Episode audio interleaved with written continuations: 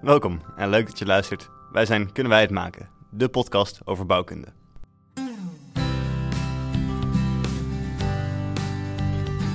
Rijd daar eens de brug over en dan zie je in de verte die gigantische stalen loods daar op die hoogte hangen. denk je, oei. Maar dat was echt wel een heel uitdagend project om, om die betonwanden ehm, schuin te storten. Drukt dan op de knop rekenen. Oftewel, dan als het gebouw klaar is, zet hij eigenlijk wel bekende zwaartekracht aan. Ehm, in de bouwfase maken wij meestal eerst de onderliggende vloer, want wij bouwen van onder naar boven toe.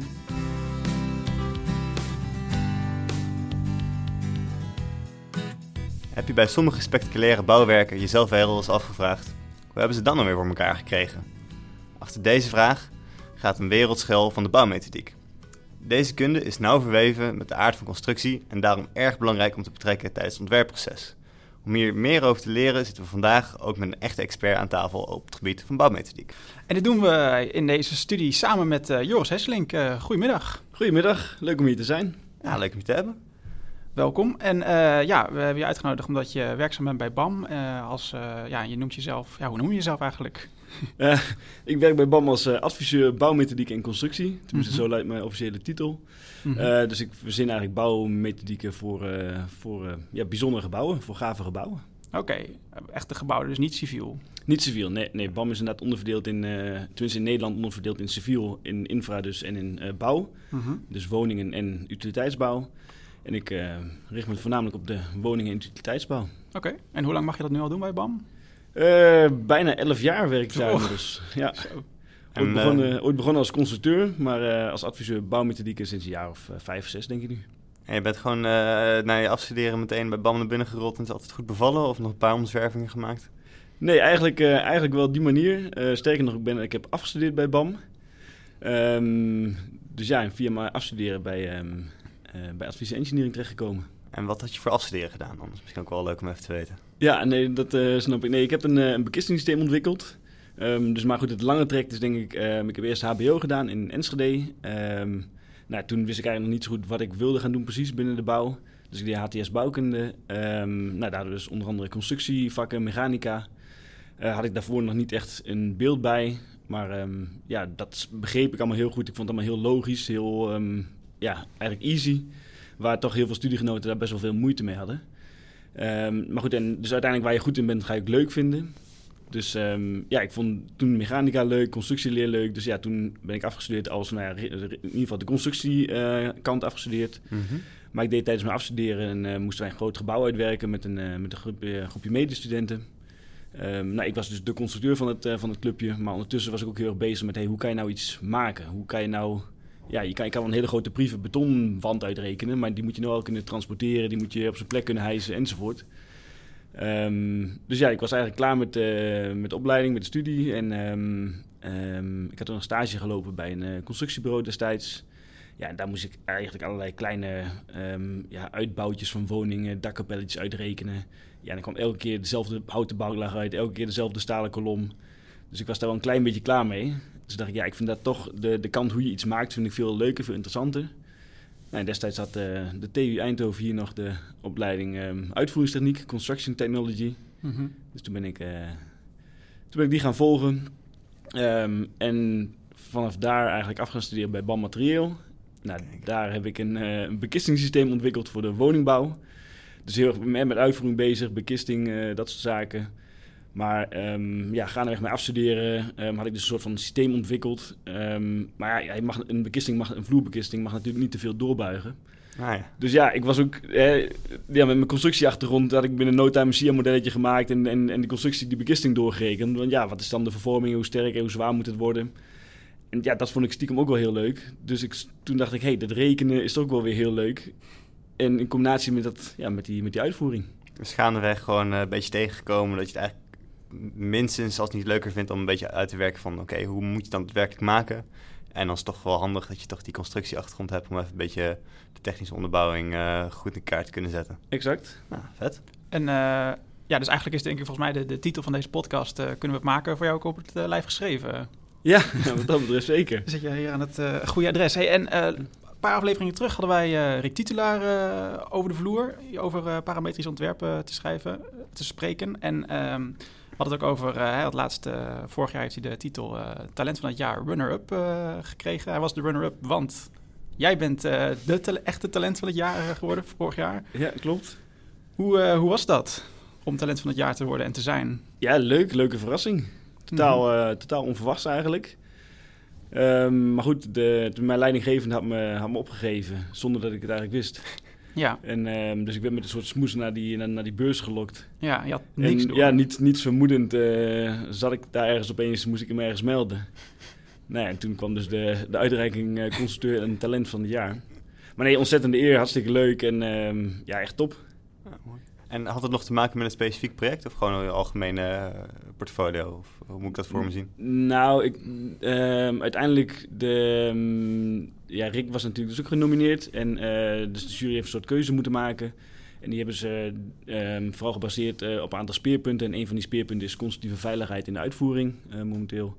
En ik heb een aantal projecten eh, natuurlijk in, vooral in uitvoering ehm, intensief begeleid. Om te zorgen dus dat die projecten op een goede manier gebouwd worden. Zodat er in de bouwfase geen, geen gevaar ontstaan. En dat is volgens mij de jury in dit geval over de streep getrokken. Kijk. Dan, eh, ja, ik, ben, ik ben heel benieuwd naar al je projecten. Dus ik denk dat we maar gewoon zo snel mogelijk door moeten gaan naar, eh, naar het hoofdonderwerp en naar uh, bouwmethodiek en wat allemaal inhoudt. Maar voordat we dat doen, hebben we altijd een vragenvuur. Dan krijg je zo meteen een eh, vijftal stellingen voorgeschoteld. Mag je lekker eh, kort en krachtig antwoord op geven. En als het nodig is, kunnen we altijd nog nuanceren achteraf. Dus, ehm, nou, eh, stelling nummer 1. Constructeurs weten voldoende over bouwmethodiek. Oneens. Kijk, Absoluut niet. oké, heel goed. Eh, de wereld van bouwmethodiek is erg traditioneel en er zijn, of er zijn eh, juist heel veel innovaties. Oeh, deze is lastiger. Ehm, ik wilde zeggen beide. Nee, ik ga voor, toch voor de innovaties. Ja. Heel goed. Oké. Eh, het liefst werk ik alleen maar met prefab. Eh, nee, absoluut niet. Absoluut niet. Eh, daar komen we zeker op terug. Eh, stelling 4. Als het om nieuwe bouwmethodieken gaat, loopt Nederland eh, voorop. Waar of niet waar? Ehm, waar? Eh, wel twijfel, maar oké, dat is mooi. Daar gaan we het vast ook nog over hebben. Eh, bouwmethodieken horen thuis op de universiteit. Waar? Kijk, heerlijk. Nou, volgens mij kunnen we... Dat is natuurlijk al meteen even een pijnpuntje, want de master die je hebt gevolgd, eh, die is er ondertussen niet meer helaas. Klopt. Ehm, waarom, eh, waarom denk je, ja, dat moet echt terug? Eh, we hebben gewoon nodig mensen op de universiteit die zich specialiseren in de bouwmethodiek. Nou, ik nee, hoeft misschien niet volledig als master terug te komen, maar ik vind dat hè, dat heeft te maken met stelling 1. Constructeurs hebben, eh, moeten verstand hebben van bouwmethodieken. Mhm. Dus ik vind zeker dat er een soort van nou ja, uitgebreid vak moet zijn voor, de, hè, voor het constructief ontwerpen, voor de master constructief ontwerpen. Ehm, waarbij studenten toch zeker iets eh, meekrijgen over hoe maken we het. Mhm. Ja, En nou ja, volgens mij is dus jullie podcast thema wat dat betreft hartstikke leuk en heel toepasselijk. Maar nee, dat vind ik zeker belangrijk. Ja, want hoe het nu volgens mij eh, gesteld is, hè, die master is dan wel verdwenen, maar er zijn inderdaad volgens mij nog her en der wat vakjes, dan wel in de categorie overig. En eh, volgens mij is het zelfs zo dat als je dan er een combinatie volgt, dan kun je nog een certificaat krijgen volgens mij. Maar het is natuurlijk lang niet zo als het eh, was geweest volgens mij. Kan je misschien schetsen als jij eh, meewerkt aan een project en eh, je- jij bent verantwoordelijk voor de bouwmethodiek uitwerken. Wat, eh, wat, wat tref je dan aan en wat moet je dan doen zo eh, in grote lijnen? Nou, dus denk ik, kijk, je bent niet fulltime bezig met alleen maar een bouwmethodiek aan het uitwerken. Ja. Dat is natuurlijk een, eh, ja, het is niet dat je ergens zit en gaat bedenken van, hé, hey, ik moet eerst een wand storten en dan kan ik de vloer er bovenop leggen. En ja, dat, dat snapt eigenlijk iedereen. Dat is niet een, eh, ja, stu- studie waardig. Ehm, het gaat denk ik vooral om de hele grote, bijzondere en complexe projecten. Ehm, ja, dat je daar wel het, het hoofdsysteem bedenkt. Alleen, ja, nogmaals, dat is geen, geen fulltime job. Maar het is wel jouw baan? Of eh, als het niet een fulltime job is, hoe... eh, Ja, nee, dat, dat klopt. Maar nee, ik doe, ik doe meerdere dingen natuurlijk. hè. Ik ben niet alleen adviseur bouwmethodieken, ook constructie. Ja, oké. Ehm, dus en, nou ja, sowieso heeft de, de bouwmethodiek een hele nauwe relatie met de constructie. Die twee kan je Ja. eigenlijk ook niet afzonderlijk van elkaar zien. Ja, het is Die, altijd eh, en-en. Ja, het is en en inderdaad. Die, die hebben een hele duidelijke relatie met elkaar. Ehm, eh, dus ja, het gaat ook als wij plannen binnenkrijgen van de opdrachtgever of wat dan ook. Ja, we, eerste, een van een van de eerste dingen die we doen is eigenlijk zoeken naar optimalisaties. Hoe kunnen we bijvoorbeeld het constructieve ontwerp zodanig aanpassen dat het makkelijk of beter bouwbaar is. En Ja. daardoor ehm, sneller, goedkoper. Dus eigenlijk proberen we gewoon te kijken hoe kunnen we dit slimmer aanpakken dan onze concurrenten. Waardoor wij een aanbesteding kunnen winnen. Mhm. Logisch. Eh, ik zou er graag op willen voorborduren, maar het lijkt me ook nog leuk om even die eh, ja, uitspraken van eh, het vraagvuur net nog even erbij te pakken. Wat je ook net echt sterk tussen twijfelde volgens mij, of eh, de wereld van bouwmethodiek nou wel of niet innovatief is. Aan, de ene, aan de kant kun je zeggen inderdaad van, goh, dit doen we echt al honderd jaar. En, maar je zijn zeker misschien ook goede voorbeelden waar eh, redelijk wordt geïnnoveerd. Ja, ehm, nou enerzijds is het heel traditioneel. Hè. We- als we kijken naar hoe de, weet ik veel, vroeger de piramides werden eh, gebouwd, die werden gewoon gestapeld. En wat dat betreft, stenen stapelen dan nog steeds op dezelfde manier. Dus daar is niks in veranderd. Ehm, anderzijds, we, we zijn nu, ehm, we hebben nu dingen als, eh, als 3D-printrobots. We kunnen beton printen. Er is recent een brug van staal geprint in Amsterdam. Mhm. Eh, dus op dat gebied zijn er ook wel innovaties. En als je het over eh, iets meer conventionele bouwprojecten hebt, eh, laten we zeggen gewoon eh, flinke hoogbouw of een groot project, moet je dan ook nog veel innovatieve dingen doen? Of is dan vrij standaard eh, oplossingen die je kan toepassen over het algemeen? Nou, ik denk als we kijken naar een uh, Zalmhaventoren. misschien je- hebben jullie iets van meegekregen of iets over gelezen. We hebben Komt wel eens in het gebouwd- nieuws. Ja, precies. Nou, dat hebben we gebouwd met een, met een speciaal ontworpen hijsloods en prefab elementen. Ehm, dus ja, het stapelen van de prefab is wat dat betreft gewoon heel erg traditioneel. Het zijn Mhm. gewoon ja, blokken die je in elkaar stapelt. Mhm. Maar de, de toepassing van de hele hijsloods en het hele logistieke proces daaromheen, dat is natuurlijk wel behoorlijk innovatief. Ja, dat is wel weer een heel mooi nieuw puzzeltje waar je lekker aan hebt mogen werken om het eh, allemaal Ja. bij elkaar te brengen. Ja, absoluut. Klopt. Wat ik me altijd wel afvraag, want ehm, ik weet echt bijzonder weinig van bouwmethodiek. Ik ben precies zo, ik word zo meteen precies een constructeur eh, waar je helemaal niks aan hebt eh, als, het niet, eh, als ik niet oppas. Ehm, nu zitten we hier op, op onze faculteit. Tegenover wordt de bunkertoren gebouwd. Dat is een eh, toren van eh, 100 meter of zoiets. En eh, daar staan een paar kranen naast. Dat gaat prima. De kraan kan gewoon eh, prima naast het gebouw staan. En die is eh, prima hoog genoeg om alle elementen naar boven te hijsen. Eh, hoe ga je het werk als je gebouw te hoog wordt of je, je bouwplot te klein? Die, ik gok dat dat een beetje de essentie is waarom er een hijsloods nodig was. Maar hoe, eh, ja, hoe gaat het grofweg in zijn werk dan? Want zie het niet helemaal voor me. Hoe Nou ja, iets dat mee? betreft, de, de sky is the limit zou ik zeggen. Kijk, in, in, in Dubai of Amerika worden natuurlijk gigantisch hoge torens gebouwd. Gewoon met torenkranen. Ja, Ehm, in veel gevallen eh, koppel je die kranen aan het gebouw. Of tenminste, je, je kan ze eraan hangen of opzetten. Ehm, dus de, de kranen staan niet meer beneden gefundeerd op het, eh, op het maaiveld. Maar die klimmen gewoon aan het gebouw mee. Ehm, ja, en daar zijn ook weer kleinere kraantjes voor die dus de grote kranen weer demonteren. En wat dat wordt uiteindelijk maatgevend. Hoe krijg je die torenkranen weer naar beneden? nou ja. Ehm, dus nu we zijn momenteel bezig in met, een, eh, met een project in Rotterdam. Nog niet de uitvoering, maar we zijn ehm, ja, in, in de voorbereidingsfase plannen aan het maken. Ja, en daar is ook een, eh, een grote uitdaging hoe je de kraan eh, die we mogelijk op het gebouw willen gaan zetten, op de kern, hoe je die dan weer eraf kunt krijgen. En moet je dan ook nog lokaal je constructie verstevigen zodat je je kraan eraan kan monteren of zo? Of, eh, Ja. Ja, zou, zou heel goed nodig kunnen zijn, absoluut. Mhm. Ja, maar goed, een, een, een losse kraan die ergens op het, op maaiveld staat, die heeft ook een eh, grote kraanpoer nodig of een, eh, of een aantal funderingspalen in de grond of wat dan ook. Dus daar ook, daarvoor moet je voorzieningen treffen. Ja, dus hoe dan ook, eh, je moet een beetje extra constructie maken Ja. om te zorgen dat het gebouwd kan worden. Dus eh, dat betreft kleine, kleine extra moeite om het in het gebouw te doen in plaats van naast het gebouw. Oké. Dan wil ik ook heel graag meer toelichting horen over. Ik ga ze gewoon weer netjes af. de stelling 3. het liefst werk ik alleen met prefab. Daar hoeft je niet lang over na te denken. Absoluut niet. Volgens mij in, eh, in het werk gestort beton eh, vanuit Ja. een bouwmethodiek perspectief kan zeker heel gunstig eh, uitpakken of heeft zo zijn voordelen. Ja, zeker. Ehm, eh, absoluut. De prefab is, is heel mooi. Hè. We willen liefst natuurlijk zoveel mogelijk assembleren. Dus ja, ik ben zeker wel een soort ja, fan van prefab, absoluut. Maar een, een keer een vloer in het werk storten of een keer een, zoals bij Boymans van Beuning museum, of tenminste het, depot, Mhm. hebben we een hele mooie dubbelgekomde schaal gemaakt. Ja, die is in het werk gestort. Die kan je vanwege eh, ja, de elementafmeting en dat soort zaken en de krachten die erin spelen, kan je die gewoon niet prefab eh, maken. Nou, Maar goed, ik denk dat dat ook eh, een fantastisch mooi project is geworden. Ondanks dat dat is in, het, in het werk gestort is. En ik zie ook wel toepassingen voor, ehm, eh, weet ik veel, voor, voor metselrobots of zo op de bouwplaats in, in de toekomst. mhm. Of, of, of eh, 3D, eh, 3D printen. Ja, precies. Ja, dat hoeft het absoluut niet in prefab. En dan voor de allergrootste naïveling en eh leek, wat, eh, wat zijn de grootste nadelen van prefab dan?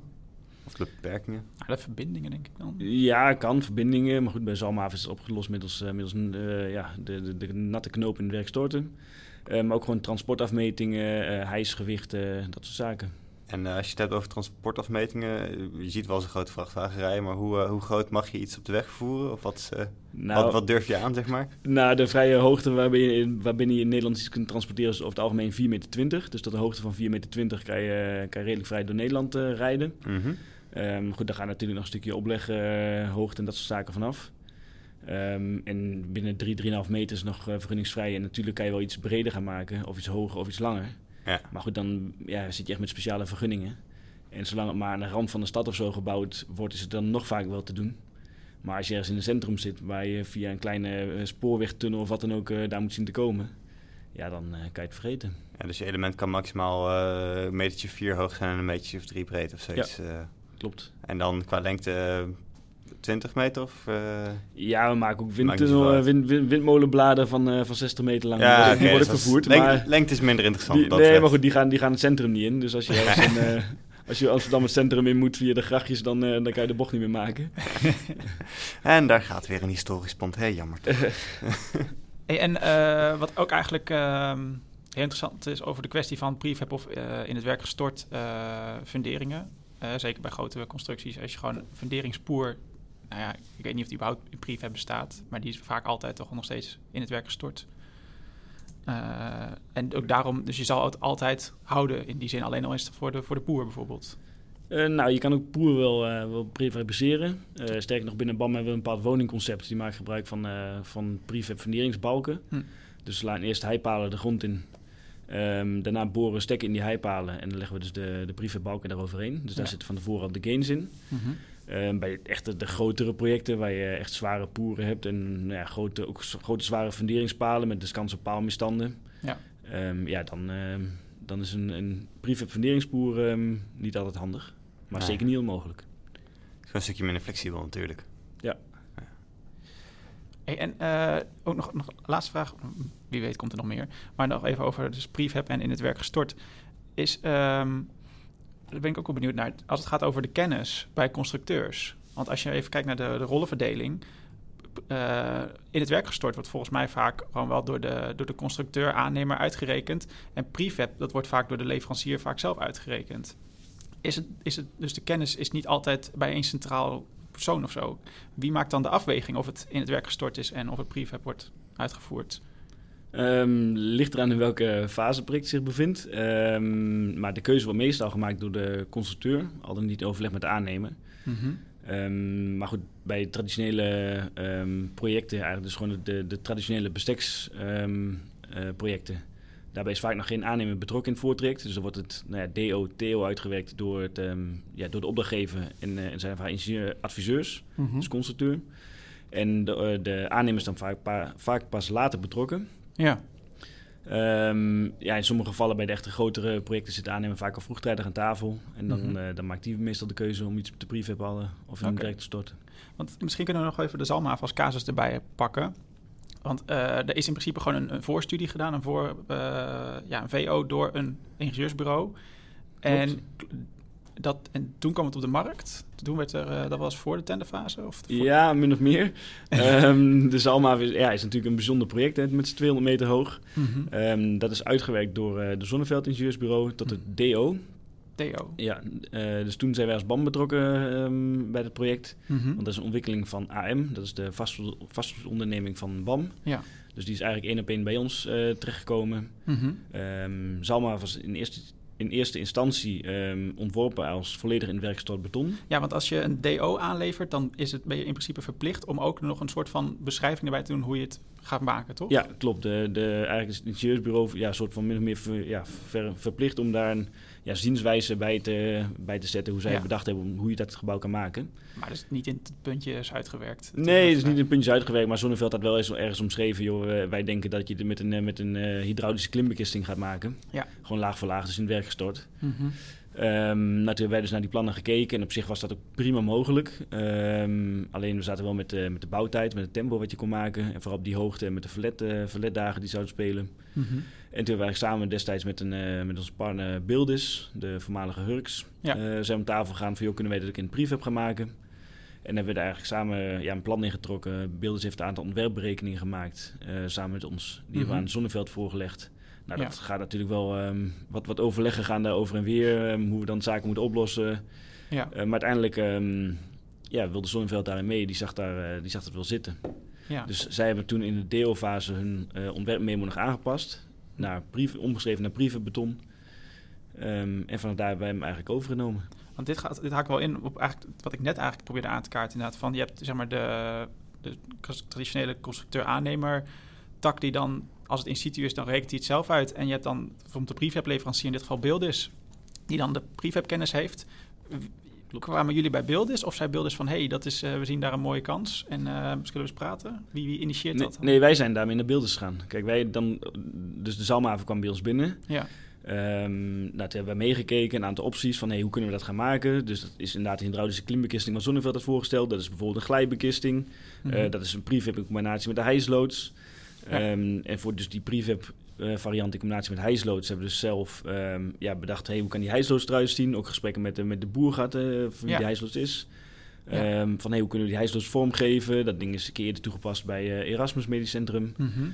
Ehm en Beelders was bij Erasmus natuurlijk de, de brievenleverancier. Dus ja, Ja. daar- daarmee gaan we gewoon de markt op. Je kunt dat niet in je eentje allemaal verzinnen. Je hebt daar gewoon ook marktpartijen bij nodig. Nee, precies. Want je zegt inderdaad van, eh, de, van de boer was er ook nog bij betrokken. Zeg maar, die, die, die hele, het, het, het hart van de bouwmethodiek, de hijsloot zelf, die had zowel bouw als beelders ook niet in pacht. Dan moest je weer voor een derde partij wezen. En dan moest je echt als driehoekspartij moest je samenwerken. En dit concept zeg maar echt tot ja, realiteit maken. Ja, klopt.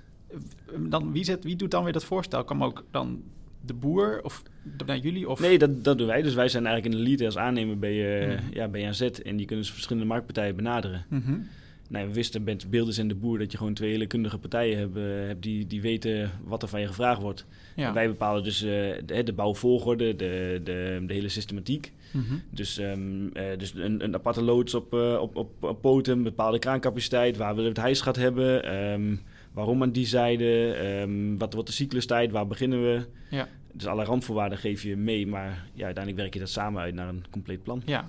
Even voor mij een stapje terug. Eh, de hijsloods werd dus al eerder gebruikt. Was het echt letterlijk hetzelfde ding? Of was het gewoon een, een bedrijf, de, de boer wist al een keer iets vergelijkbaars gebouwd en wist van, ah, dan moet je zo opzetten en eh, dan moet je hier aan denken. Of eh, hoe werkt dat dan? Ja, nou, ongeveer zo. Ehm, eh, nou, de, ik denk deze hijsloods, ehm, ja, we, hebben, we hebben dat ding ook wel eens de hijsloods 3.0 genoemd. Ehm, In de jaren 90 is de Delftse Poort in Rotterdam uh, gebouwd Nationaal Nederlander. Die is ooit ook gebouwd met een hijsloods. Dat is toen een stuk geleden en er is een hijsloods voorgezet. Dat was eigenlijk de eerste in Nederland. Um, dat was voor mij niet met de boer destijds. Maar goed, dus dat was eigenlijk een van de eerste gebouwen in Nederland die met die techniek gemaakt is.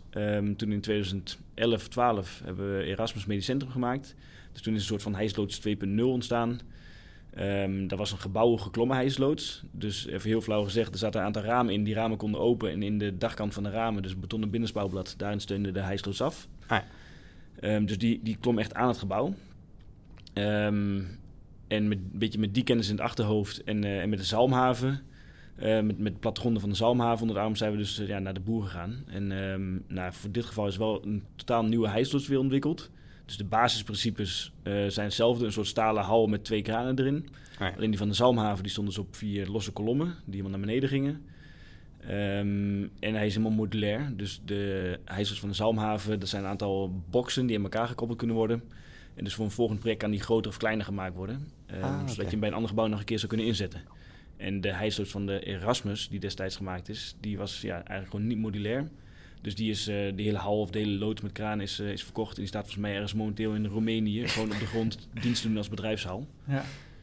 Dat werkt ook Dus, um, ergens. ja, Maar dit was een, dat is een aardige update volgens mij. Want en inderdaad gewoon dat die, die hijsloos die steunt extern af buiten het gebouw op zichzelf inderdaad. Die wordt gewoon daar Ja. opgevijzeld inderdaad. En dan heb je nog ijs. Dus het was de eerste woontoren natuurlijk met een hijsloos werd gemaakt. Ja, nou, ik denk dat het principiële verschil is inderdaad dus de, de afsteunconstructie. Dus de, de vier poten of gebouw geklommen.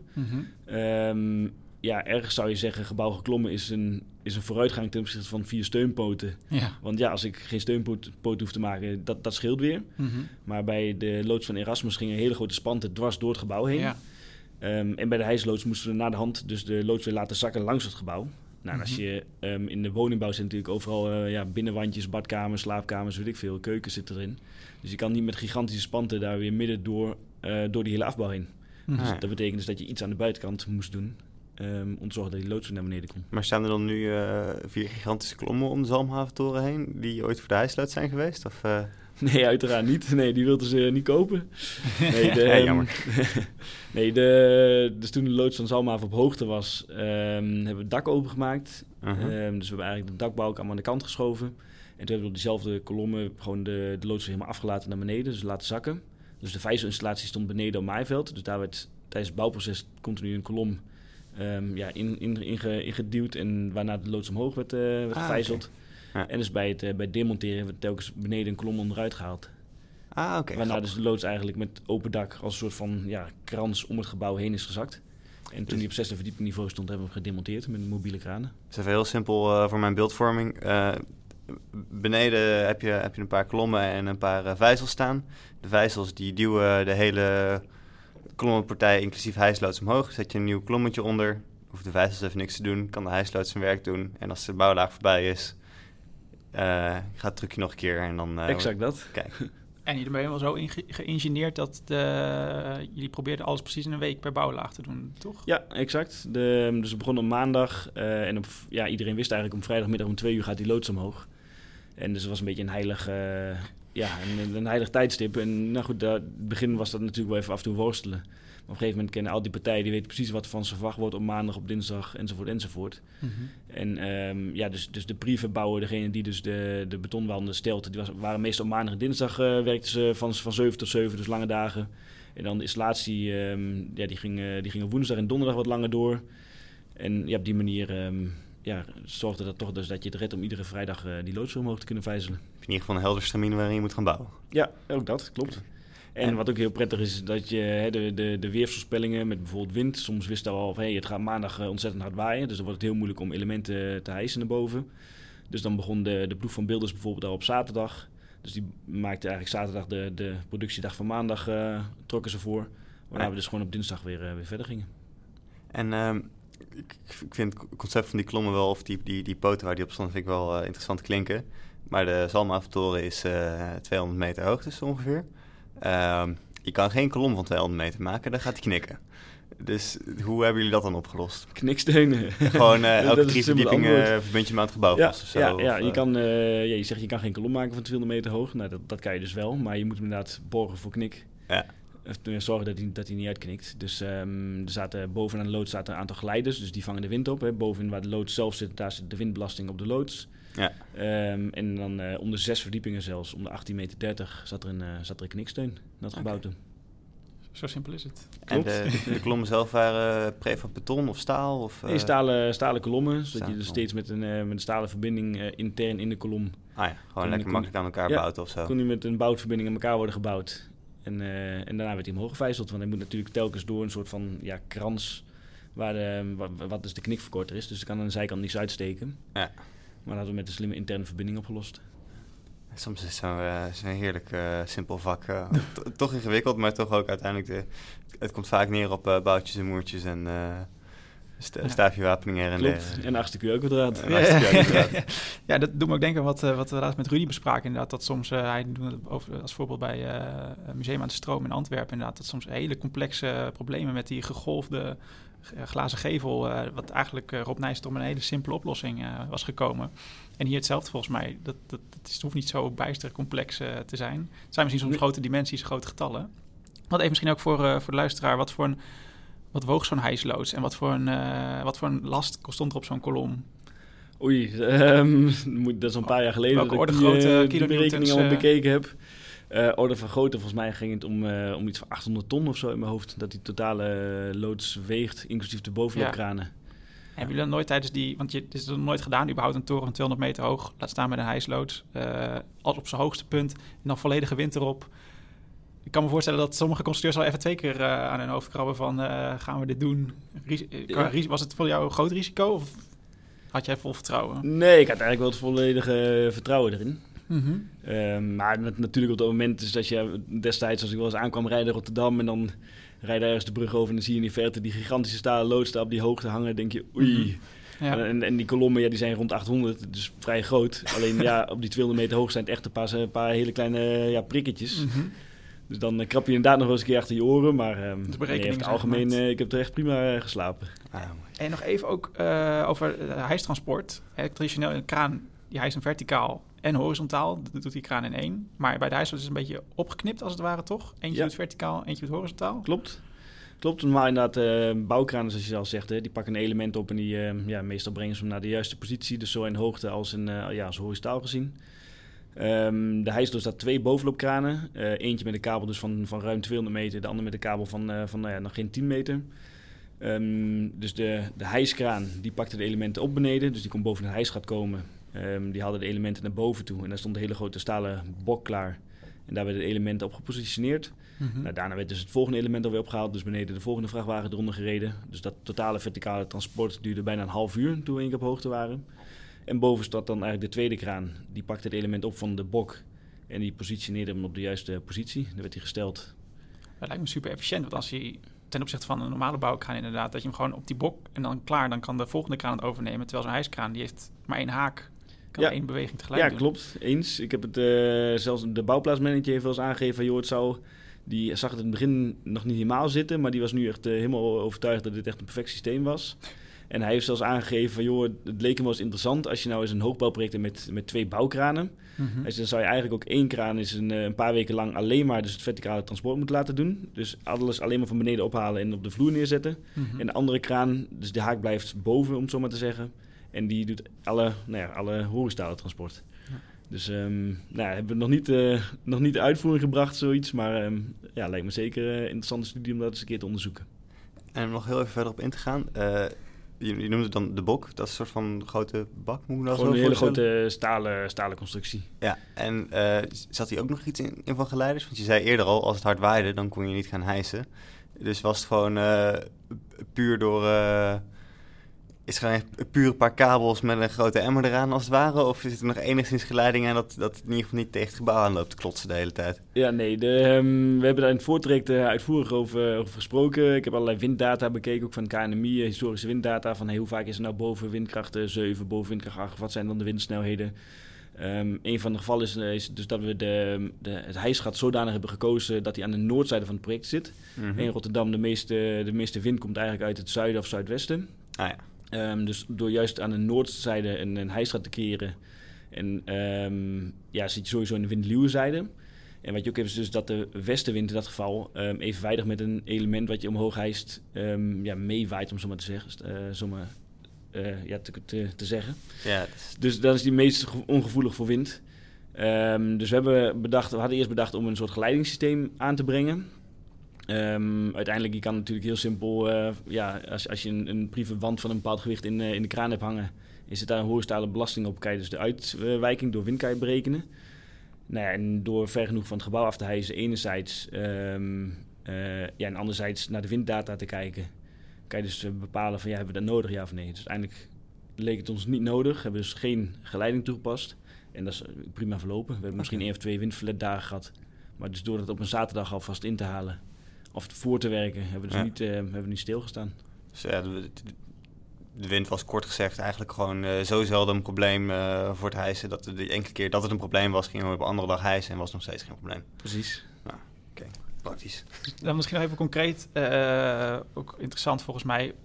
Bouwsnelheid is ook gewoon ontzettend belangrijk bij in een project. Wat je net ook al zei in het begin, bij een tendering, we proberen zo efficiënt mogelijk eh, bouwmethodiek te bedenken eigenlijk. Want hoe, hoe eerder opgeleverd, hoe minder je ja, eh, tijd bent met bouwen en allemaal eh, kosten maakt en zo. En hoe eerder je inderdaad kan exploiteren en eh, huur kan incasseren. Ehm, hoeveel sneller is zo'n... Ja, we hadden het net over twee kranen versus één hijsloods. Hoe snel deed die hijsloods erover om eh 200 meter hoog te gaan? Ehm, ja, toen keer op stoom was, toen ging er gewoon een één verdieping per week. Dus Ja. toen wisten we eigenlijk al van, hé, hey, eh, volgend jaar eh, in maart eh, die en die datum zijn we op hoogte. Ja, dat ging echt als een trein. Dat hebben we ook echt iedere week hebben we gewoon netjes die verdieping gehaald. En daarmee durf je rustig te stellen dat binnen hoogbouw, zeg plus, van alle plus 100 meter gebouwen, dat dat ja, maar, ja, hoe dat, per hoogste strekkende meter is het de snelst gerealiseerde ge- hoogbouw in Nederland. Oeh, dat vind ik een moeilijke. Dat durf ik niet met 100% zekerheid te zeggen. Maar als compleet plaatje, want je hebt inderdaad glijbekisting, dat gaat ook als een raket, maar die komt later achteraf er nog eh, ja, Ja. bij aan.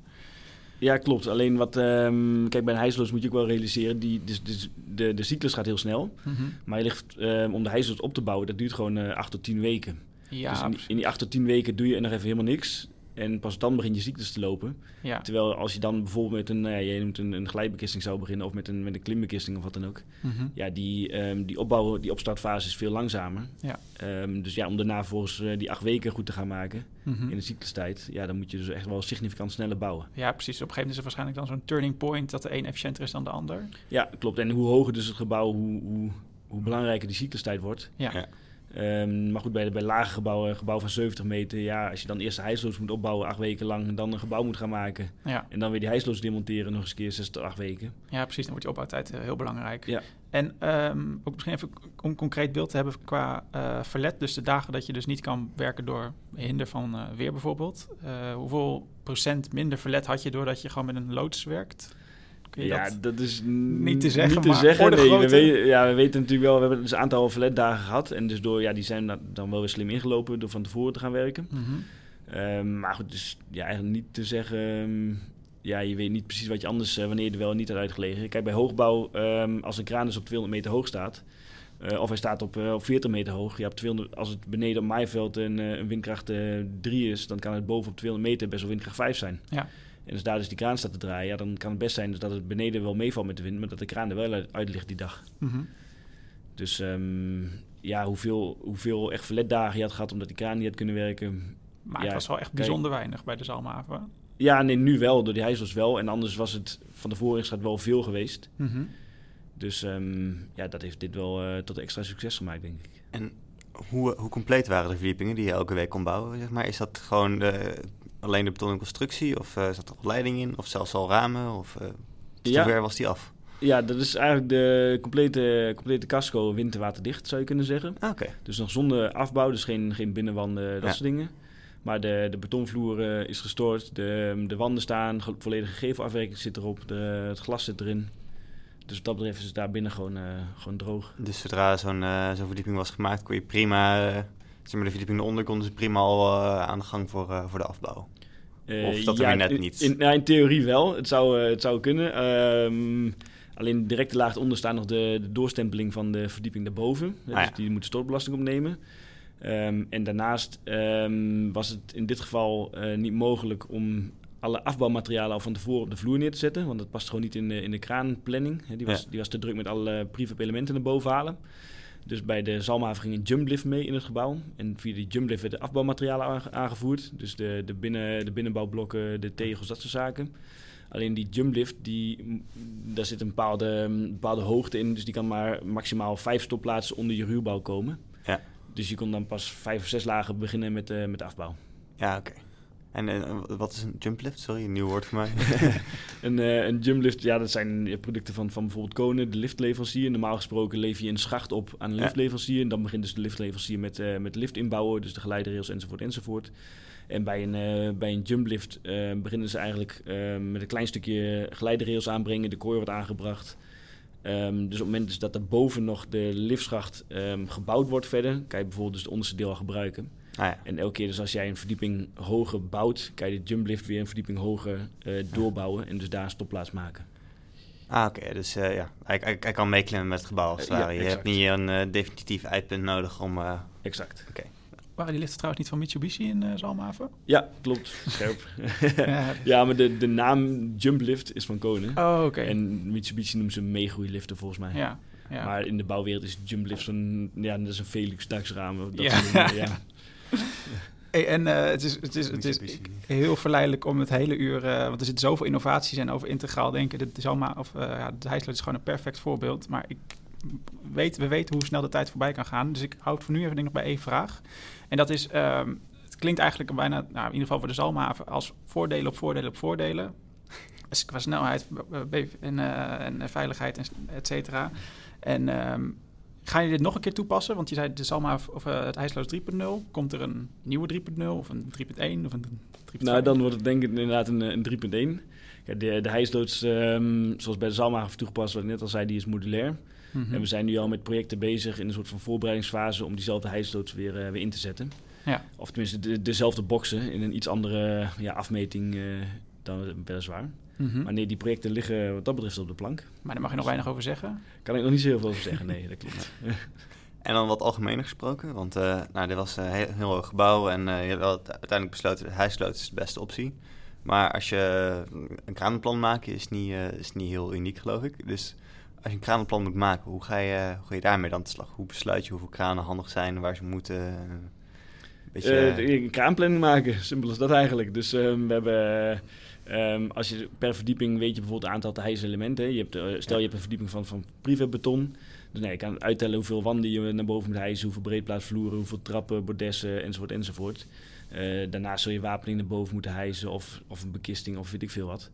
Nou, dus dat kan je eigenlijk allemaal eh, inzichtelijk maken. Ehm, op basis van kengetallen uit het verleden hebben we gewoon daar hijstijden bij. Ah ja. En dat kan je nog weer corrigeren voor de hoogte. Dus die, he, meestal, je moet een last aan, eh, aanpikken, aanslaan. Eh, je moet de last transporteren in de hoogte. ehm, weer afpikken, ergens neerzetten, monteren. Nou, dus bij al die bewerkingen kan je gewoon een, eh, gewoon een tijd achterzetten van een aantal minuten. En dus uiteindelijk ehm, ja, is het eigenlijk een vrij simpel sommetje om een Ja. aantal elementen een keer een bepaalde ja, tijdsinterval. En uiteindelijk komt daar een aantal kraanuren komt eruit wat je nodig hebt per cyclus. Dus ja, stel je, hebt een, je komt op eh, 48 uur kraantijd. Nou, ja, dan kan je dus bedenken, hey, ik ga het in een zesdaagse cyclus doen. Ehm, met één kraan. Ehm, dus ik ga, ik ga zes dagen werken, acht uur per dag. Of je kan kiezen, ik ga misschien wel eh, tien uur per dag eh, werken. Maar dan, eh, dan doe ik hem in vijf, in vijf dagen. Ja. En dan is het een beetje gewoon de vuistregel binnen de bouw. Je wil graag een verdieping per week? Of is dat arbitrair? Of, Nou, is arbitrair, maar bij, bij, hoge gebouwen, bij hoge gebouwen zeker wel, bij woontorens. Ehm, eh, ja, dan is een, eh, een cyclus van vijf dagen is natuurlijk wel, is wel prettig. Ehm, dan heb je namelijk iedere zaterdag, mocht er ergens iets tegen zitten, heb je een soort van zaterdag als een nou ja, extra doorwerkdag of een inhaaldag of wat dan ook. mhm. Dus als er ergens iets tegen zit of het waait een keer hard, of, ehm, ja, dan kan je een keer iets inhalen. Terwijl als je hem al echt heel krap eh, uitplant op zes dagen, ehm, maar je zegt ik ga het in een week die cyclus maken, dus je pakt die zaterdag eigenlijk er al bij. Ja, als er dan ergens een keer maar iets tegen zit, dan eh, loop je gelijk uit je, uit je tijd. En dan is het ook bijna niet meer mogelijk om dat goed te maken. En als, het, eh, als de verdieping nou zo complex is dat je qua hijsuren uitkomt op eh, acht dagen werk, dan is het toch eigenlijk altijd wel de moeite waard om een tweede kraan erbij te nemen? Of, ja, eh, dan kan je bijvoorbeeld heel goed een tweede kraan inderdaad erbij zetten. Want langer bouwen is gewoon duurder dan een tweede kraan erbij. Ja, ook dat is een sommetje maken. Kijk, Ah, je weet ongeveer wat een, wat een tweede kraan kost eh, aan huur per week. Je weet hoeveel sneller je dan klaar bent. Ehm, dus ja, dat, eh, dat kan je vrij eenvoudig uitrekenen. Alleen het is ook wel weer... eh, je zit daarnaast ook gewoon met eh, de mensen op de vloer. Mhm. Dus je kan niet denken van... nee, ik zet er maar drie kranen op, dan, dan doe ik een cyclustijd van twee dagen. Want ja, dan zit je elkaar overal in de weg. En ehm, ja, dus dat is ook weer niet haalbaar. Ja. En eh, je zei kranenhuur, dat vind ik wel grappig, want als, als, als aannemer bouw je natuurlijk veel en volgens mij bouwt BAM niet te weinig. Maar ook jullie hebben niet je eigen kranen dus. Eh, ja, we hebben wel eigen kranen. Ja, zeker wel. Alleen ehm, die zijn er weer in beheer van de, de kranenleverancier. Dus ze liggen wel bij onszelf, bij onze eigen materieeldienst. Die zijn ook wel van ons, dus die hebben we gekocht.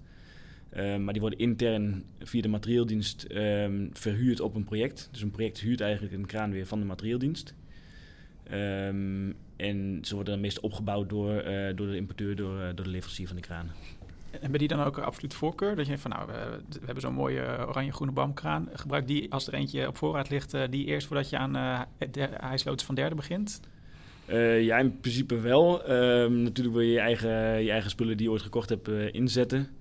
Eh, maar goed, dat is ja, ten eerste niet altijd mogelijk. Of als je, stel je hebt een heel zwaar type liggen. ehm, terwijl ja, dan kan je soms beter gewoon een goedkopere, een, een lichtere kraan kan je dan soms beter bij- bijhuren. Mhm. In plaats van maar die zwaardere kraan inzetten. Ja. Dus ja, dat moet je altijd een beetje mee, mee, mee schipperen. Zwaardere kraan is natuurlijk eh, meer opbouwtijd, zwaardere fundering nodig voor de kraan zelf en allemaal dat soort fijne... Ja, ook dat, maar ook een duurdere huur. duurdere Mhm. huur, Ja, want zwaardere kranen zijn, ehm, zijn duurder in productie. Dus ook, ja, die moet je... Ja, Duurdere afschrijfkosten. Ja, duurdere afschrijfkosten, daar betaal je gewoon meer voor. Ja, ah, oké. En ook nog, eh, ik weet niet wat een mythe bij mij is, maar klopt het dat eh, zo'n mobiele telescoopkraan die je dan even erop rijdt op de bouwplaats, dat die veelvoud duurder is in huur dan een standaardkraan? Ja, eh, dat klopt zeker. Ehm, ja, en er komt bij dat een, een, een ja, mobiele telekraan, die hebben en meestal lang niet zo hoge capaciteiten qua tonnage. Mhm. Ehm, ja, en die kunnen gewoon niet zo, niet zo ver komen. Kijk, een torenkraan kan je prima op 100 meter neerzetten. Mhm. Ja, en een, eh, met een mobiele kraan iets aan 100 meter hoog hijsen van 20 ton wordt al vrij lastig. Heb je Ja. wel echt een hele zware jongen nodig. Ja, precies. En die is ook, wordt vooral eens ingezet op echt incidentele hijzen waar de standaardkraan zeg maar, dan even niet bij kan. Ja, of, ja, of om de, de torenkraan op te bouwen of te demonteren. ja, Precies. Ehm, waar ik het ook absoluut nog even over wil hebben, is eh, volgens mij als je denkt aan nou ja, gebouwen bouwen, denk je ook natuurlijk aan stijgers. Eh, en tot voorheen volgens mij was het heel normaal om gewoon eh, eerst even de, het gebouw in aanbouw te voorzien van een dikke jas gemaakt van stijgers met een mooi doek eromheen. Maar volgens mij zie je dat steeds minder. Is dat een dalende trend of zie ik dat verkeerd? Oeh, dat vind ik een moeilijke vraag. Ik weet niet of dat echt een trend is of het daarmee te maken heeft. Ehm, Maar wat zijn de voor- en nadelen van dat- nou, het ligt meestal aan je, aan je gevel. Ehm, kijk, als je een metselwerk gevel hebt aan de buitenkant, ja, dan moet je toch bijna eigenlijk altijd vanaf een, eh, vanaf een stijger metselen. Dus heb je eigenlijk altijd een, stij- een metselstijger nodig. Mhm. Terwijl als je een heel goed kantoorgebouw maakt, die hebben vaak elementengevels met grote glaspartijen. Ja. Ja, dat kan stijgerloos, want die elementen kan je vanaf, eh, vanaf binnen, vanaf de vloer, kan je die ophangen. Dus maak van tevoren maak je stalen consoles op je vloerrand. Mhm. En met een soort ehm, hijsmiddel, ehm hijs je een, ja, een grote, grote pui, verdieping hoog, ehm, van een bepaalde breedte hijs je voor die vloerrand. En van binnenuit kun je die pui monteren. Dan heb je geen stijger nodig. En als je nou zegt van, eh, nou, ik doe dat metselwerk vooraf. Ik eh, doe uh, prefab metselwerkstrips bijvoorbeeld. eh, dan hoef ik ze niet dus eh, op de plaats eh, te, te, te metselen. Kan ik dan zonder stijgers of dienen die stijgers ook nog voor iets anders? Ja, nee, dan zou je in principe zonder stijgers eh, kunnen, kunnen werken. Dat is wat we bij Zalmhaven gedaan hebben. Dus het is een, ehm, ja, een soort van sandwich-achtig eh, element. Dus een betonnen binnenspouwblad, isolatie. De kozijnen zitten erop en er zit een gevelafwerking op. In het geval van Zalmhaven eh, een of andere marmer, eh, ja, Nog wat. na- natuurstenen type, weet ik niet. Eh, maar goed, dat kan natuurlijk ook een eh, soort baksteen zijn of, of steenstrips. Ja. En als dat element maar eh prefab aankomt op de bouw, kan je die gewoon monteren. Mhm. zonder dat je vanaf de buitenkant daar Ja. per se bij hoeft. Dus compleet afbouw. En ehm, wat ook nog snel even interessant is, balkons. Ja, dus ook de vraag van, doe je achteraf monteren of neem je die tegelijk mee? Ja. Toch misschien even terug naar de Zalmhaven. Hoe eh, ging dat? Ehm, bij de Zalmhaven gingen ze gelijk mee. Eh, daar waren het prefab betonbalkons. Ehm, maar het voordeel bij Zalmhaven is dat al die betonbalkons liggen precies boven elkaar in de, in de, op de plattegrond gezien. Ehm, dus dan kan je ze doorstempelen. Dus je legt, zet op de, onder, de op ondergelegen balkon zet je een tijdelijke ondersteuning. Daar leg je een prefab betonplaat op. Dus de, nou ja, de isocorf-achtige wapening die steekt dan in de, in de nog te storten vloer. Mhm. Je stort dus die vloer en daarna hou je de ondersteuning weg. Nou goed, Mhm. ja, wat we steeds vaker zien nu is dat de gevel ehm, ja, ziet er heel dynamisch uit. Dus de, alles verspringt altijd. Dus de balkons verspringen alle kanten op eh, bij steeds meer gebouwen. Ja. Ja, en als je dan niet kan doorstempelen vanaf beneden, dan wil je dus liever naar iets toe wat stempelvrij kan. En dan heb je meestal voor achterafmontage. Ja, en klopt het dat ook, eh, tenminste dat zag ik laatst voorbij komen, volgens mij ergens, eh, misschien nog via jou, dat het was een innovatie dat je een ba- balkon niet onderstempelt, maar dat je hem kan laten hangen of zo, dat er een constructie in het gebouw zit en dat het balkon... Ja, we hebben recent bij een project in Utrecht ehm, een soort hulpconstructie bedacht. Waarmee we dus de, ehm, het balkon ehm, op, op maaiveld neerlegden. Daar werd die hulpconstructie overheen gezet. En dan, dan kon het balkon hijsen aan die hulpconstructie. Mhm. En die hulpconstructie kon vervolgens ja, in een gestorte beuk hangen. Waarna dus ja, het balkon wel achteraf gemonteerd kon worden. Ja, Dus ehm, ja, daar kan je natuurlijk zelf van alles op verzinnen. Allerlei varianten mee bedenken. en eh, Als we het toch over balkons hebben, een willekeurige vraag die me opkomt is... eh, ze zijn meestal van beton, maar waarom eigenlijk? Want ze heel, vaak, heel ver eh, krijgen ze niet uit. Kan je niet beter eh, lekker licht maken van eh, een paar staalliggertjes of een beetje hout of eh, weet ik veel wat? Eh, ja, eh, constructief misschien wel. Ehm, ik denk dat het simpele antwoord is gewoon kosten. Ja. Een, eh, een prefab betonbalkon als, als product ehm, ja, zijn over het algemeen vrij goedkope producten. Ah ja, Het is een, een mal die, je- die je volstort met iets van een uh, nou, isocorf constructie. Ja. Ehm, terwijl als je echt een, een stalen balkon maakt, dan moet de ja, staalbouw moet echt iets projectspecifiek in elkaar gaan, eh, gaan lassen. eh, conserveren, ehm, je moet daar weer een, een vlonder op maken, afwatering enzovoort enzovoort. ah, oké. Dus gewoon de, Dus voor de mij is zo gestandardiseerd. Er eh, Ja. kost gewoon geen rol eh, relatief gezien. Dat is eh, ja, volgens mij wel het antwoord. Ja. Altijd praktisch, hè? Maar er zijn ook wel innovaties meer aan, eh, aan de gang. Je hebt steeds meer eh, polyesterachtige balkons. Ja. Ehm, dus echt lichtgewicht. Ehm, en ook wel, eh, ook wel staal. Aluminium kwam ik af uh, laatst tegen. Oh. Aluminiumbalkons. Oké. En als je het hebt over verschillende materialen, als je, als je gaat bouwen met verschillende materialen, heb je dan ook eh, radicaal andere manieren dat jij eh project moet aanpakken als eh, eh, een bouwmethodiek persoon? Hebben we daar nog een mooie titel voor trouwens? nee, een bouwmethodicus? bouwprocestechnoloog. zij, zij, Bouwprocestechnoloog. zij een profiel op de, op de universiteit ooit. Ah ja. Ja. Ehm, nou, dan is denk ik meer de relatie tussen de constructie. Kijk, Ja. een, eh, een, een houten gebouw ehm, of een betonnen gebouw. Kijk, als het allebei laagbouw is, dan is het meestal gewoon stapelen. Dus wanden neerzetten, vloer Ja. erop eh, en door. Als het prefab is, dan lijkt het eigenlijk op elkaar of het nou van hout of beton is wat dat betreft. Nee, dat maakt dan eigenlijk niet zo heel veel uit. Alleen de echte, ehm, ja, de grote bijzondere gebouwen, ja, die hebben meestal gewoon een, een hele specifieke constructie. Ja. En dan is dus vaak constructie, of afhankelijk van het constructief ontwerp, hoe je bouwmethodiek eruit ziet. En dan is de, de, de- vorm heel erg leidend in eh, hoe je alles op zijn plek kan houden. Of eh, op welke manier is de constructie dan leidend? Ehm, heb, heb, nou, je nog een gek, heb je nog een vet project waar ik veel eh, een paar jaar geleden heb gewerkt, waar je alles over kan lullen wat je wilt, waarvan je dacht, oeh, dat was wel even een puzzel om die bouwmethodiek voor elkaar te krijgen. Nou, dan denk ik toch wel gelijk aan het Groningen Forum. Ja, Eh, of Forum Groningen heet het inmiddels. Een eh, ja, vrij bijzonder gebouw midden in het centrum van Groningen. Niet heel hoog, het is 1,45 meter hoog. Maar ehm, alle, alle gevels, alles, ja, eigenlijk staat alles schuin. Het hele gebouw staat, staat schuin, meerdere kanten op. Ehm, dus de, de kernen zijn schuin. Ehm, nou, gelukkig de trap en de, trap, de liften zijn dan ongeveer het enige wat recht is, wat recht omhoog gaat. Maar dat was echt wel een heel uitdagend project om, om die betonwanden ehm, schuin te storten. Ehm, en dan heb je niet alleen over schuin storten, je hebt dus verschillende wanden in één kern zitten. De ene loopt naar binnen toe, de andere naar buiten toe. Ehm, maar je kan je voorstellen als je wapening moet aanbrengen, dan ehm, voor inwerkstort beton, je maakt altijd eerst een, eh, de ene bekisting, dat noemen we de stelbekisting. En daar tegenaan wordt dan de wapening eh, gevlochten. Mhm. Nou, bij het geval van het Groningen Forum wil je dus eigenlijk de, de wand die achterover helt, dat wil je als, eh, als vlechtbekisting hebben, dus als, als stelbekisting. Dan kan je daar de wapening soort van opleggen. Maar omdat het dus in één kern verspringt de, de wand van binnen naar buiten. Dus ja, dan ga je... De, de ene wand ehm, is de binnenzijde de, de, de stelkist, de andere is de, de buitenzijde de stelkist. Ja, en daar maakt echt heel erg dat je daarover na moet denken hoe de bereikbaarheid is, ehm, hoe je erbij komt met vlechten, Ja, welke, welke wanden je eerst stort. Het was Dus niet zo eh, simpel dat eh, de omtrek, de buitenomtrek van, van de kern was altijd eh, naar buiten hellend. Dus dan kon je daar één mooie stelkist van maken. Ja, ja, dus daar, dat, dat, ja, dat, dat vraagt dan ook wel wat van je, van je stijger inzet, van je bekistingsinzet. En, eh, En hoe heb je dat dan een beetje eh, mee gespeeld of opgelost? Omdat er- dat het van de hele tijd naar voren en naar achter, eh, waar komt de stelkist? Ja, eh, na één wand hebben we zelfs ge- achteroverhellend gevlochten, eh, waarbij dus de achteroverhellende wand de stelkist was. Ah, ja. Want eh, nou, die stond ook maar onder 5 graden, dus dat, dat viel gelukkig mee. En de vlecht had daar een, ehm, ja, een soort van speciaal hulpmiddeltje bedacht, zodat hij de wapening aan de bekisting kon, nou ja, even tijdelijk kon, kon ophangen, dus dat hij niet, niet achterover viel. maar de- ja, dat vond hij daar voor die situatie toch het eh, makkelijkste en het prettigste. Om ehm, ja, daar eigenlijk dus de, de wapening ja, die, die naar je toe komt, wou ik bijna zeggen, om die, eh, Ja. om die daar te vlechten. En, en naast de kern nog meer uitdagingen?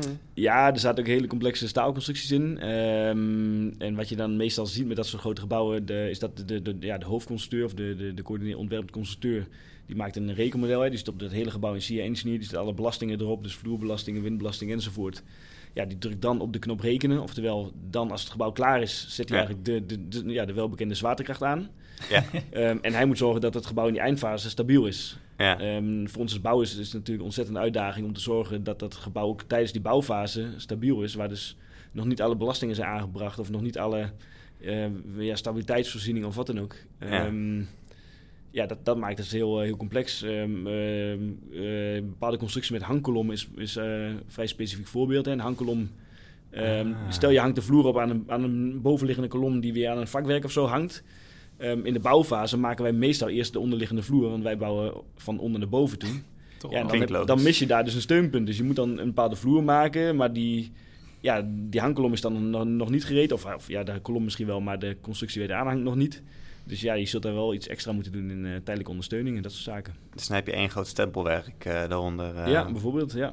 Ja, Dat Een flinke tijdelijke constructie eh, bijvoorbeeld. Ja, flinke hulpconstructies. En is het dan ook, eh, wat ik net al, eh, of eerder in het gesprek aankaartte van, van de Zalmhaven, dat bij een DO, dat de ontwerper of de coördineerd constructeur is verplicht om in principe een beschrijving van bouwmethodiek, is die ook verplicht om een beschrijving van, nou ja, gefaseerd, gefaseerde bouwmethodiek, dat hij dus ook, ja, no- tijdelijke constructie, of hoe zeg je dat, constructie die nog niet af is, ook heeft doorgerekend.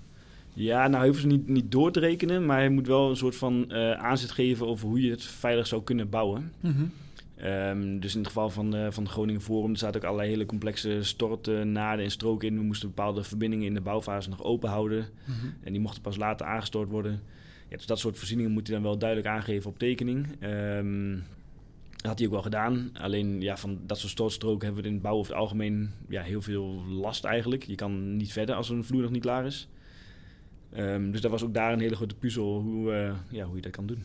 En het is wel grappig, want eh, het Groningen Forum was een, eh, volgens mij een absoluut complex project inderdaad. En we hebben nog de, co- de complete casus eh seismisch buiten beschouwing gelaten. Dat kwam er ook nog bij voorbij. Klopt. Want het is, als ik het goed begrepen heb, maar dan moet je misschien maar even corrigeren. Het, zelfs tijdens de bouw al van de fundering is alles nog even alles stilgelegd. En ja, want aardbevingen. Ja, nou niet tijdens de bouw van de, van de fundering, maar later al. Het forum is dus eh, meter of 45 hoog, maar er zit nog een vijflaagse parkeerkelder onder. Tuurlijk. Dus we hebben daar eh, damwanden of diepwanden rondom gemaakt. met Onderwaterbeton op 18 meter diepte. Ehm, gigantisch gat in de grond daar. Ehm, dus we hadden de eerste vijf of zes lagen gebouwd. We waren net boven Maaiveld, bijna op de eerste verdieping. Mhm. Ehm, ja, en toen speelde eigenlijk het hele aardbevingsdossier in Groningen. Ehm, de gemeente Groningen is zelf opdrachtgever van het Groningen Forum. Ja. Dus ja, die hebben eigenlijk ons verzocht eh, om de bouw stil te leggen, ehm, te wachten. En die hebben ja, destijds de hoofdconstructeur gevraagd om te, ja, de input van aardbeving op het gebouw te, te berekenen. Mhm. Ehm, nou ja, enerzijds hebben we dus de aardbeving op het gebouw zelf, hè, dus de, de, de, ja, de seismische berekeningen van beton- en zaalconstructies. Ehm, gelukkig trouwens bleek toen de onderbouw te voldoen, dus de verderingen waren allemaal prima. We hebben nog wel een sondering, meerdere sonderingen gemaakt ehm, door de keldervloer heen. Dus waar eh, 18 meter waterdruk ongeveer tegenaan stond, moesten we eerst door, een, eh, door de, de, de 500 mm dikke keldervloer en door de meter dikke onderwaterbetonvloer. Mhm. Dus we hebben daar eh, nou ja, allerlei eh, gaten in geboord en met afsluiters en daar weer sonderingen doorheen gemaakt. Dat is ook wel eh, erg interessant. Maar, naast de, maar goed, de, de, de rest van de kelder was dus allemaal prima. Dus de fundering was goed. De, ehm, de constructies daarboven zijn wel verstevigd. Dus staal- en betonconstructies. Eh, en wat ook een van mijn rollen daar was, van ja, hoe kan je nou eh, in, in aardbevinggebied, hoe kan je daar nou veilig bouwen? Stel, Ja. er komt aardbeving, is dan die kraan veilig? Of, of is er Ja. risico dat die kraan nog omvalt? Mhm. Of hoe gaat het met, met bekisting of de hele stijger? Je wil niet, als er een aardbeving komt, dan misschien wel de, de stijgerkoppeling afbreekt, waardoor de hele stijger op de, op de omgeving valt. Maar Heb je die kennis in pacht? Hoe je... Nee, die hadden we destijds niet, maar die hebben we dus ontwikkeld.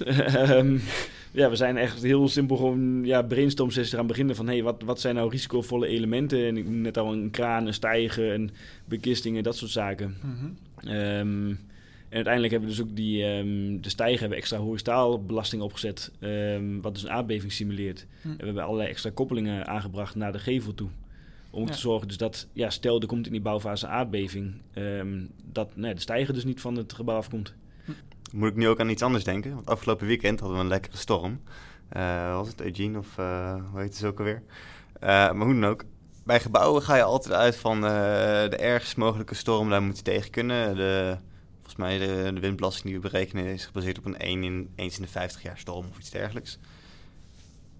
Als je flinke kranen aan het bouwen bent en flink stijgerwerk aan het bouwen bent, dan, eh, ja, eh, dan moet je natuurlijk ook wel ergens tegen kunnen. Dus heb je daar vergelijkbare eh, sommetjes voor die je moet maken? Of mag je ze iets vriendelijker doen met minder heftige belastingen? Ja, nee, de stijgers worden in principe gewoon volgens de eurocode berekend. Ja. Ehm, alleen je kan dus wel je, je tijd wat reduceren. Dus er zit ergens in de eurocode een, eh, een factor voor tijd die, je die je mag toepassen. mhm. Dus in de bouwtijd, ehm, ehm, ja, we hanteren in dit geval een storm van 15 jaar.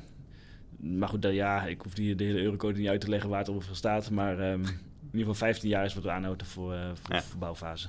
Dus eh, wel even een stukje minder stevig. Wel een stukje minder inderdaad. Ja. Ja. En de, de veiligheids, eh, kijk bij een CC3-gebouw, consequentieklas 3 met hoge belastingfactoren, eh, is voor de bouwfase vaak ook ehm, overdreven. Dus meestal gaan we terug naar CC2, soms zelfs CC1.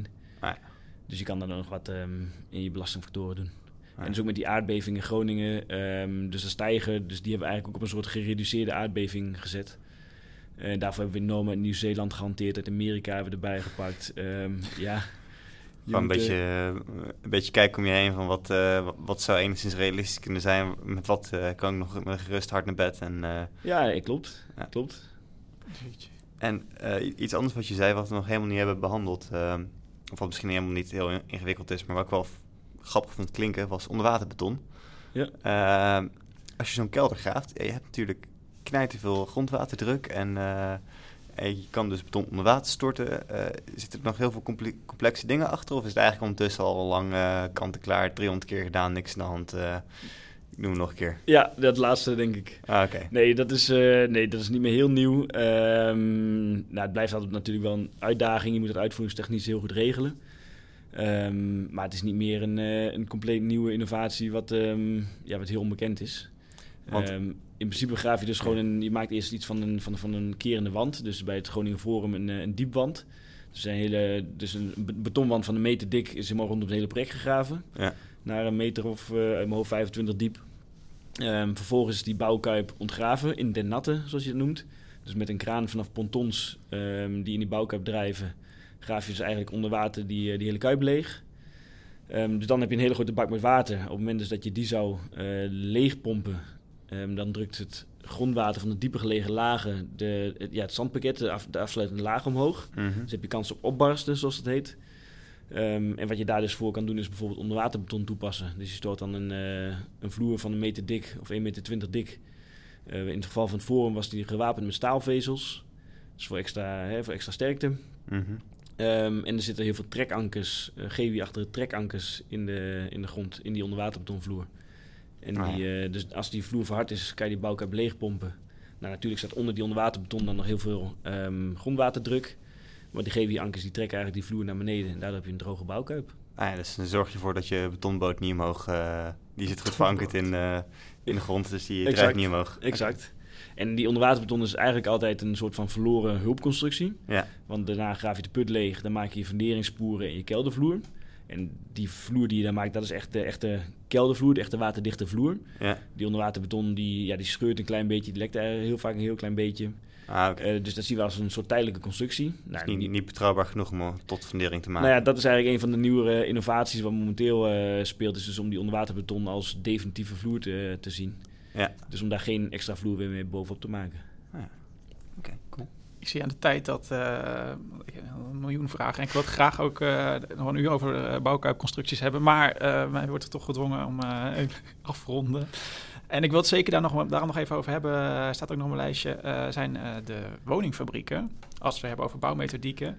Hè, dat is enorme trend, zullen maar zeggen, in bouw in Nederland. Hè. De menige aannemer die nu zegt van die, de, de, woningbouwfabrieken die stampen bijna als paddenstoelen uit de grond. De, of de grote plannen die in ieder geval zijn aangekondigd. En ik ben benieuwd wat jouw visie daarop is. Het is natuurlijk een wat kleinschalige woningbouw, maar ja, qua bouwmethodiek, is, is dat echt de toekomst, denk je? Ja, ik vind het een, een topontwikkeling. Dit is alleen maar goed. Ja? Uh, ja, we hebben nu natuurlijk gehad om echt uh, grote spectaculaire projecten. Het Groningen Forum, Depot, Boymans van Beuningen, Zalmhaven, Toren, dat soort zaken. Mm -hmm. um, dit is inderdaad wat je zegt nu vooral voor de, voor de kleine seriematige grondgebonden woningbouw. Ja. Uh, maar ik vind het een hele, hele goede, mooie ontwikkeling. Ik denk de, um, dat we steeds minder handjes krijgen buiten die het werk, echte bouwwerk kunnen doen buiten. Dat is, dat is ook een probleem waar we nu al tegenaan lopen. Steeds minder mensen willen op die bouwplaats staan um, ja, en traditioneel iets bouwen. Mm -hmm. Daar krijgt de jeugd niet meer, uh, niet meer enthousiast voor. En hoeveel van die bouwvakkers spreken überhaupt nog Nederlands? Ja, echt Nederlandse bouwvakkers hebben we sowieso al minder. Dus we halen nu al heel veel mensen uit, uit Polen en ja, waar komen ze allemaal vandaan? Mm -hmm. Um, ja, goed, ook dat zal, um, zal minder worden, verwacht ik. Ook daar zal de animo afnemen en, en de vraag toenemen. Mm -hmm. Dus um, wat dat betreft is het een supergoeie ontwikkeling door, ja, door, door, door productie naar, naar een fabriek te halen. En het is natuurlijk helemaal mooi als je daar met, met, met robots en dat soort dingen kan werken. Mm -hmm. Dan uh, ben je volgens mij helemaal bij kopen. Ja. Dus een uh, goede ontwikkeling wat mij betreft. Maar daar ben je zelf niet bij betrokken specifiek? Ik ben maar... niet actief betrokken bij... Uh, nee, nee, als BAM zijn we wel betrokken um, bij, um, ja, bij zo'n seriematig woningbouwconcept. dus we zijn ook iets aan het ontwikkelen in, in hout met de houtfabriek. En um, nee, weet ik veel wat er allemaal uh, bij komt kijken. Maar mm -hmm. daar ben ik zelf niet bij betrokken, nee. Oké, okay. vet. Ik, ik, ben, ik ben gewoon heel erg benieuwd inderdaad. Ik kan me voorstellen dat jij daar ook best wel van... Ja, hoe ga je dat nou maken als je gewoon in zo'n grote hal zit... en ja, de moduletjes eruit pompen en ja elementje of gewoon inderdaad een half huis. Wat, wat kun je transporteren? Ja, ik kan me voorstellen dat het voor jou ook... Uh, ja, nee, ik vind het ook zeker interessant. Uh, dat klopt. Maar dat is, ja, het is meer een soort, ja, een bepaald, um, hoe kunnen we dat netjes noemen? Een soort seriematig... Het gaat meer van de bouw naar de ja, echt fabrikage dan. Ja, Een precies. andere tak van sport. Ja, dat is denk ik een heel andere tak van sport dan echt, echt bouwen buiten. En Ja. daar bemoei ik me vooral mee. En jij blijft echt een eh, bouwer buiten. Nou, ik weet niet of dat blijft. Dat hoeft niet per se, maar... Ik kan me voorstellen dat, we torens, dat we ook een bepaalde, bepaalde constructie maken voor torens waar je ook modules eh, in kan schuiven. Ja. Dus dat we bijvoorbeeld een, een kern, eh, geen idee hoe prefab of verleiden, of dat maakt even niet uit. Mhm. Maar dat je een soort van ja, basis hebt waar je met, met houten modules ehm, iets in kunt stapelen. Voor hoogbouw, dat eh, zie ik wel voor me, absoluut. Ah, mooi. Ik Ja, eh, ben bang dat we hem dan wel moeten afsluiten. Maar wat we altijd graag nog willen weten is of onze gasten nog goed advies hebben voor, voor studenten. Ik zou dan al helemaal zeggen vanuit de kant van de bouwmethodiek. Heb jij nog iets, eh, heb je nog goed advies of eh, inspirerende woorden die je graag mee zou willen geven aan, eh, aan de studenten in onze faculteit? Oei, ehm, nou vooral voor, ga je verbreden. Dat is het denk Ja. ik vooral. Dus als, als constructeur zorg niet dat je alleen maar sommetjes kan maken en daar verstand van hebt. Maar kijk ook in andere vakgebieden. ehm, dus kijk ook naar hoe kunnen mensen dat buiten maken. Ehm, bij ons komen jonge constructeurs binnen die zitten heel erg te bedenken. Hey, hoe kan ik een balk berekenen? Ja, volgens mij moet je ook beginnen te bedenken hoe kan je hem maken. En als je Ja. snapt hoe die vlechten iets in elkaar kan vlechten, dan weet je ook of iets straks past, ja of nee. En ja, en dat gaat niet alleen op bouwmethodieken, maar ja, kijk ook eens naar bouwfysica of dat soort zaken. Kijk naar andere dingen van, van gebouw of andere sectoren. Daar valt ook vaak heel veel te leren en ehm, wat ook toepasbaar is voor de bouw. Dus eh, ja, ik denk de oogkleppen af en, eh, en verbreden. Dat zou Ja. ik willen meegeven. Dus even een keer eh, die nekspieren gebruiken en naar links en rechts kijken. Precies. Ja, mooi. Hey, eh, hartstikke bedankt Joris. Eh was, eh, Graag gedaan, dat was leuk. Mooi veel geleerd vandaag in ieder geval. Ja. Het doet me trouwens ook sterk denken aan eh, onze aflevering met eh Luc Jansen van directeur van Tielemans. Wat gewoon eigenlijk puur wel over integraal bouwen. Over gewoon inderdaad ja, de, de brede facetten eigenlijk die bij het bouwproject eh, mee komt eh, kijken. Eh, en eigenlijk aanvullend nog van, mocht iemand nou dus geïnteresseerd zijn en denkt van, nou bouwmethodiek doe mij meer. De studie master bestaat inmiddels niet meer. Maar ik heb alle overige vakken die al bestaan al gevolgd. Waar kunnen ze terecht als ze toch nog, ja, als je meer kundig wil zijn, kun je een boek, raad je een boek aan of een cursus of een... Hoe moet je dat eh, eigen maken? Nee, kom bij BAM werken zou ik zeggen. Kijk. en wat dat betreft, Tom, heb jij het goed gedaan? Kijk, de, ook, ook HR hier. Eh, Oké, ja, inderdaad gewoon, eh, gewoon doen dus. Lekker, de praktijk. Ja, nou, dankjewel ook van, vanuit mij voor dit gesprek. Graag gedaan. Joris. Dit was hem dan. Eh, ja, u luistert weer eens naar ehm, Kunnen we het maken? Gepresenteerd door mij, eh, Tom Dix. En eh, naast mij zit nog steeds Pieter van Loon. Tot slot willen wij de commissie die heeft geholpen deze podcast maken bedanken. En natuurlijk jij bedankt voor het luisteren. Wil je graag reageren op deze aflevering? Dat kan. Dan kun je mailen naar podcast.koerstw.nl of door ons te volgen op Instagram, @koersief. De volgende aflevering is zoals altijd over twee weken. Tot ziens.